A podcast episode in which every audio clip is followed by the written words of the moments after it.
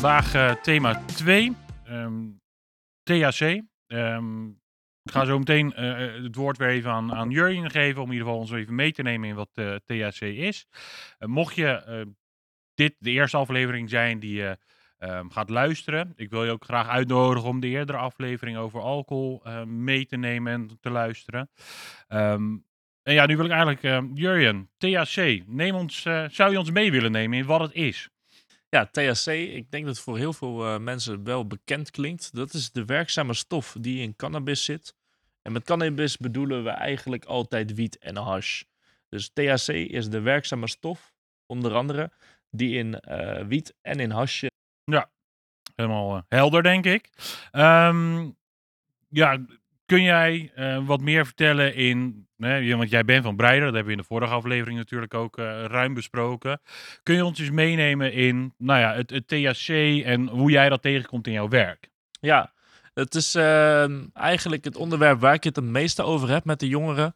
Eh, THC en CBD, dat zijn de twee grote werkzame stoffen in, uh, in de cannabis, in de wiet en de hash. CBD, even tussendoor. CBD is een soort van tegenhanger van de THC.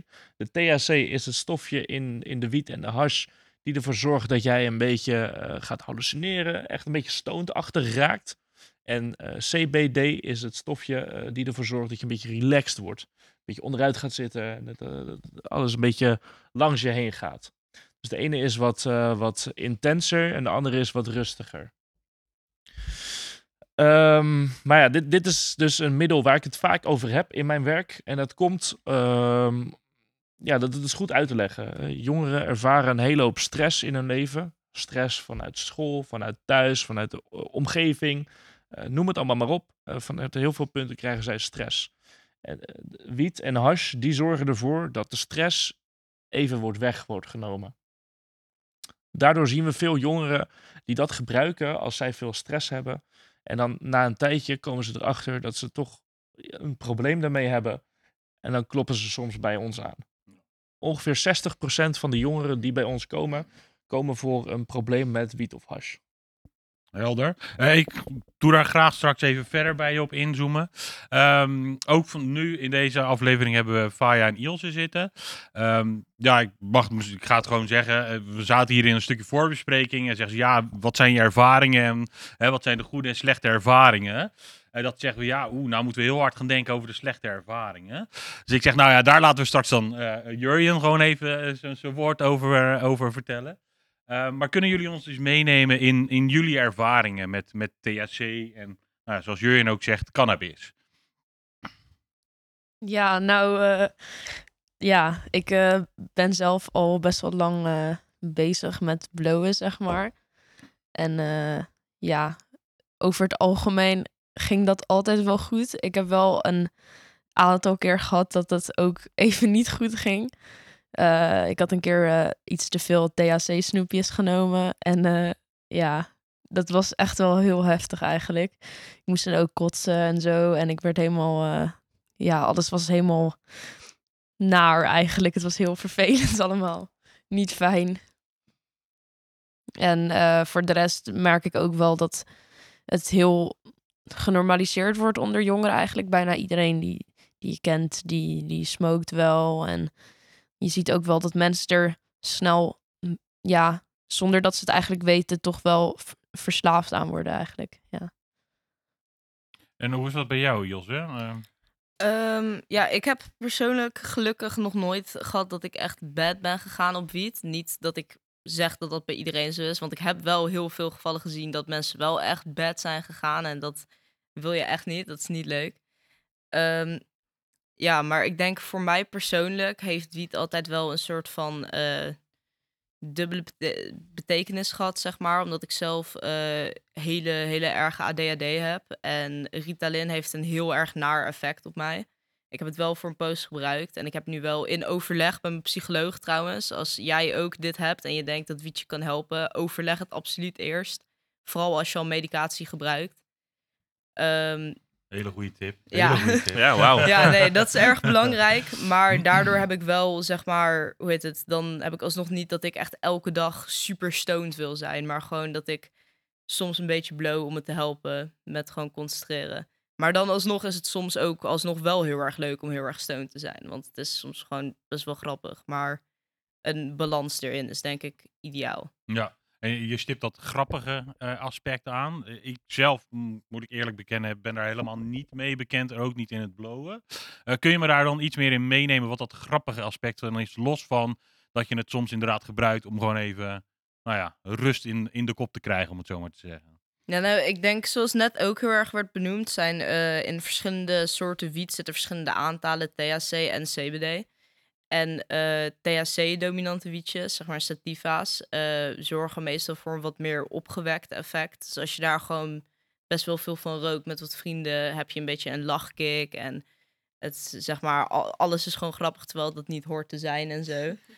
Dus dat is denk ik een beetje het grappige aspect ervan. Maar dan zou ik ook bij deze ook mensen een beetje aanraden om als je 18 bent, een beetje naar een reputabele koffieshop toe te gaan. Omdat ze daar gewoon je ook heel veel kunnen vertellen over de bepaalde effecten van de bepaalde wiet die je koopt. Want er zit wel echt heel veel verschil in. Het is niet zoals met alcohol dat een percentage is een percentage. Het is echt wel anders. Dus doe je research. Heel goed. Ehm Jurjen, ja, ja, als we het over research hebben en hè, zorg dat je goed voorgelicht bent. Ehm, ja, wat, wat kun je daar vanuit jouw rol als, eh, als werker bij Breider over, eh, over meegeven? Ja, als je het over research hebt, dan heb je het natuurlijk ook een beetje over risico's. Eh, zeker bij jonge mensen eh, zitten er toch iets wat extra risico's aan het blowen dan bij volwassen mensen. Ja. En het heeft heel erg te maken ook met wat ik net vertel over dat stress en dat wiet het stress wegneemt. Daar zitten wat extra risico's aan. Een van de grootste risico's van, van blowen werd net ook al benoemd, dat als je het wat vaker gaat doen, dat, dat je de per ongeluk eh, iets te veel doet dan dat je eigenlijk zou willen. Eh, en dat komt omdat het gewoon dat stress wegneemt. En het zorgt ervoor dat jij gewoon chill voelt. Eh, je kan chillen zonder dat je nadenkt over al die stress van thuis of stress van school. En dat is fijn. En als je dat jezelf een beetje aanleert, dan kan dat zijn dat je per ongeluk afhankelijk ervan raakt. Dus iets te vaak doet. Wat je dan z- zal merken is dat, dat de motivatie wat minder wordt. Dat, dat je moeilijker uit je bed komt. Eh, dat je minder zin hebt om dingen te doen.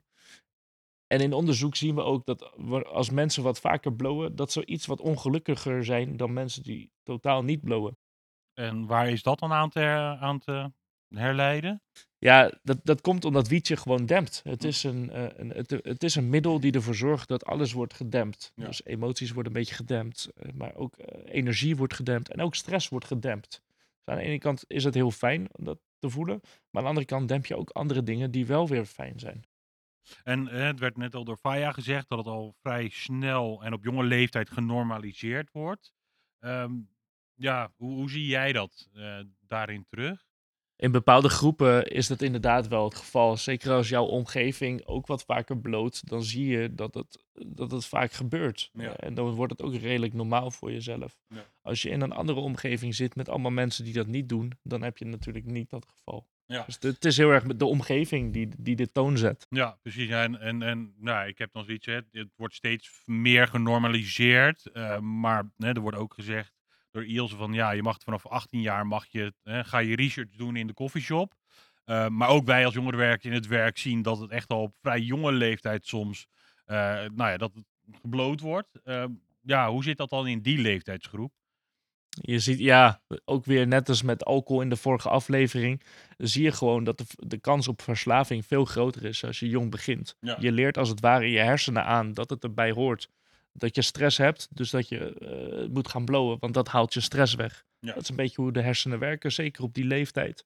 Eh, dus dat is een van de grote eh, risico's van het blowen. Ja. En dat zien we ook heel veel terug bij ons, bij de verslavingszorg. Ja, precies. En nou ja, zoals ook eerder werd gezegd, die bad trips die je ervan kan krijgen. Ehm, ja, geen idee of dat jij daarin met, hè, in je rol met Breider veel mee te maken hebt. Of zie je daar iets van terug? Of komen er jongeren juist heel veel bij jullie eh, op de lijn? Ja, gelukkig zien we dat niet vaak terug. Eh, dat hoeft ook niet. Eh, je hoeft niet naar de Breider toe als je een bad trip hebt gehad. En dan zou je waarschijnlijk alleen nog maar slechter voelen. Ehm, maar ik hoor het wel in de verhalen terug. Hè? Eh, bad gaan en een bad trip. Dat zijn twee aparte dingen. Als je bad gaat, slecht gaat, dan valt het middel gewoon niet lekker. Dan word je een beetje ziek, misselijk, dan ga je een beetje kotsen. Dat soort dingen. Eh, maar als je een bad trip hebt, dat is wel wat vervelender. Dan ga je echt denken dat er mensen achter je aan zitten. Dat, dat, dat, vrienden over je aan het praten zijn. Dat iedereen je aan het aankijken is. Weet je wel, dat soort nare dingen. Dat is een bad trip. Ja. daar heb je ook meer risico op als je wat jonger bent. Als je wat minder goed en stevig in je schoenen staat. Als je wat meer onzekerheden hebt. Als je wat minder lekker in je vel zit. Al die dingen die je hebt meegemaakt in je leven. Die helpen uh, bijdragen aan of je daar een grotere kans op hebt of niet.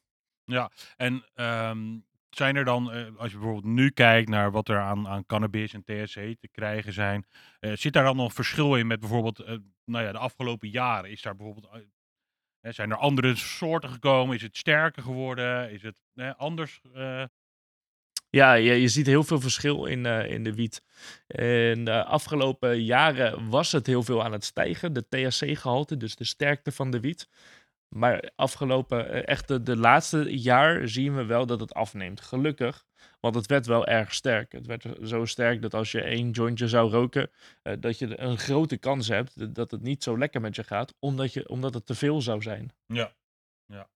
En uh, nou, even weer terug naar jullie, Faya en Ilse. Jullie zeiden al inderdaad van het is nou ja, redelijk snel genormaliseerd onder de jeugd van tegenwoordig. Um, in de vorige aflevering hadden we het natuurlijk over alcohol. En dat nou ja, dat, dat ook nou ja, in, in de experimenten in, experimenten in jullie vriendengroep uh, nou ja, wel in, in normaal werd gedaan. Maar dat het inmiddels voor jullie in jullie leeftijd uh, nou ja, wel in een rustiger vaarwater is gekomen. Uh, hoe zit dat dan met, met het, het, het blow en het THC wat jullie... Nou, voor mij persoonlijk ben ik wel gewoon wat bewuster uh, daarmee om gaan, gegaan, zeg maar. Ja, ja. Uh, ik ben ook gestopt met uh, tabak roken, dus met de nicotine. Ik rook af en toe nog wel een jointje, maar wel veel minder dan eerst, zeg maar. Ja. En uh, nou, Ilse, jij zei net al van, nou ja, ga, laat in ieder geval goed je research doen. Ga informeren bij een koffieshop. Um, maar heb je dan ook, net zoals in de vorige aflevering, eventueel nog tips naar de jongeren nu? Hè, die er zoiets, misschien naar deze podcast luisteren en denken, ja, hè, geen idee, heel erg zoekende. Uh, ook voor die groep, wat zouden jullie dan willen adviseren aan? Um, nou ja, ik zou voornamelijk zeggen dat uh, wat zeg maar ook wel een beetje een risico is, dat misschien ietsje meer herkenbaar is dan voor andere jongeren. Is ook in bijna ieder greenhouse zie je wel een enorm ongezellige groep gewoon naar de grond staren en niks tegen elkaar zeggen. En de hele tijd gewoon jointjes roken. En als je op dat punt komt, het is niet meer leuk. Waarom chill je dan nog met elkaar? Je zegt de hele tijd niks tegen elkaar. Maar stel, je gaat er een beetje verstandig mee om en je gaat een keer een jointje roken en dan een leuk, leuke activiteit ondernemen, een beetje fietsen, een beetje graffiti maken ergens, dan kan het ook heel erg leuk zijn. Dus, dus ik denk dat de sleutel persoonlijk echt gewoon moderatie is, zeg maar. Doe het voorzichtig. Balans. Ja. Ja. Um nou ja, we hebben het over inderdaad over tips gehad. Laat checken in uh, eventueel in de, koffie, in de coffeeshops. Hè. Ga goed informeren. Uh, maar bij Breider kunnen ze daar op een of andere manier bij jullie nog uh, informatie over inwinnen? Ja, tuurlijk. Ook altijd weer met mij, net als de vorige aflevering. Je mag ook hiervoor mag je naar mij toe komen. Of via Meerwaarde of via het Breider Jeugd op Insta bijvoorbeeld. Ehm, zoek mij op vind een van mijn collega's. We gaan heel graag met je in gesprek. Je, alle vragen die je hebt, mag je aan mij stellen. Ik heb er vast wel een antwoord op. Um, ik denk dat dat wel heel belangrijk is om daar uh, gewoon een beetje over te praten. Ja, nee, helder. Nou ja, mocht je inderdaad als luisteraar het nummer of de Insta-pagina van Jurjen willen, willen hebben, stuur een DM via Insta of via een van an, onze andere sociale media kanalen. of zoek ons op op straat en dan komen, kunnen we je in contact brengen met Jurjen. Um, in ieder geval voor nu, uh, bedankt voor het luisteren. Um, tijdens de volgende en laatste aflevering willen we graag met jullie het gesprek overgaan over, uh, over nicotine.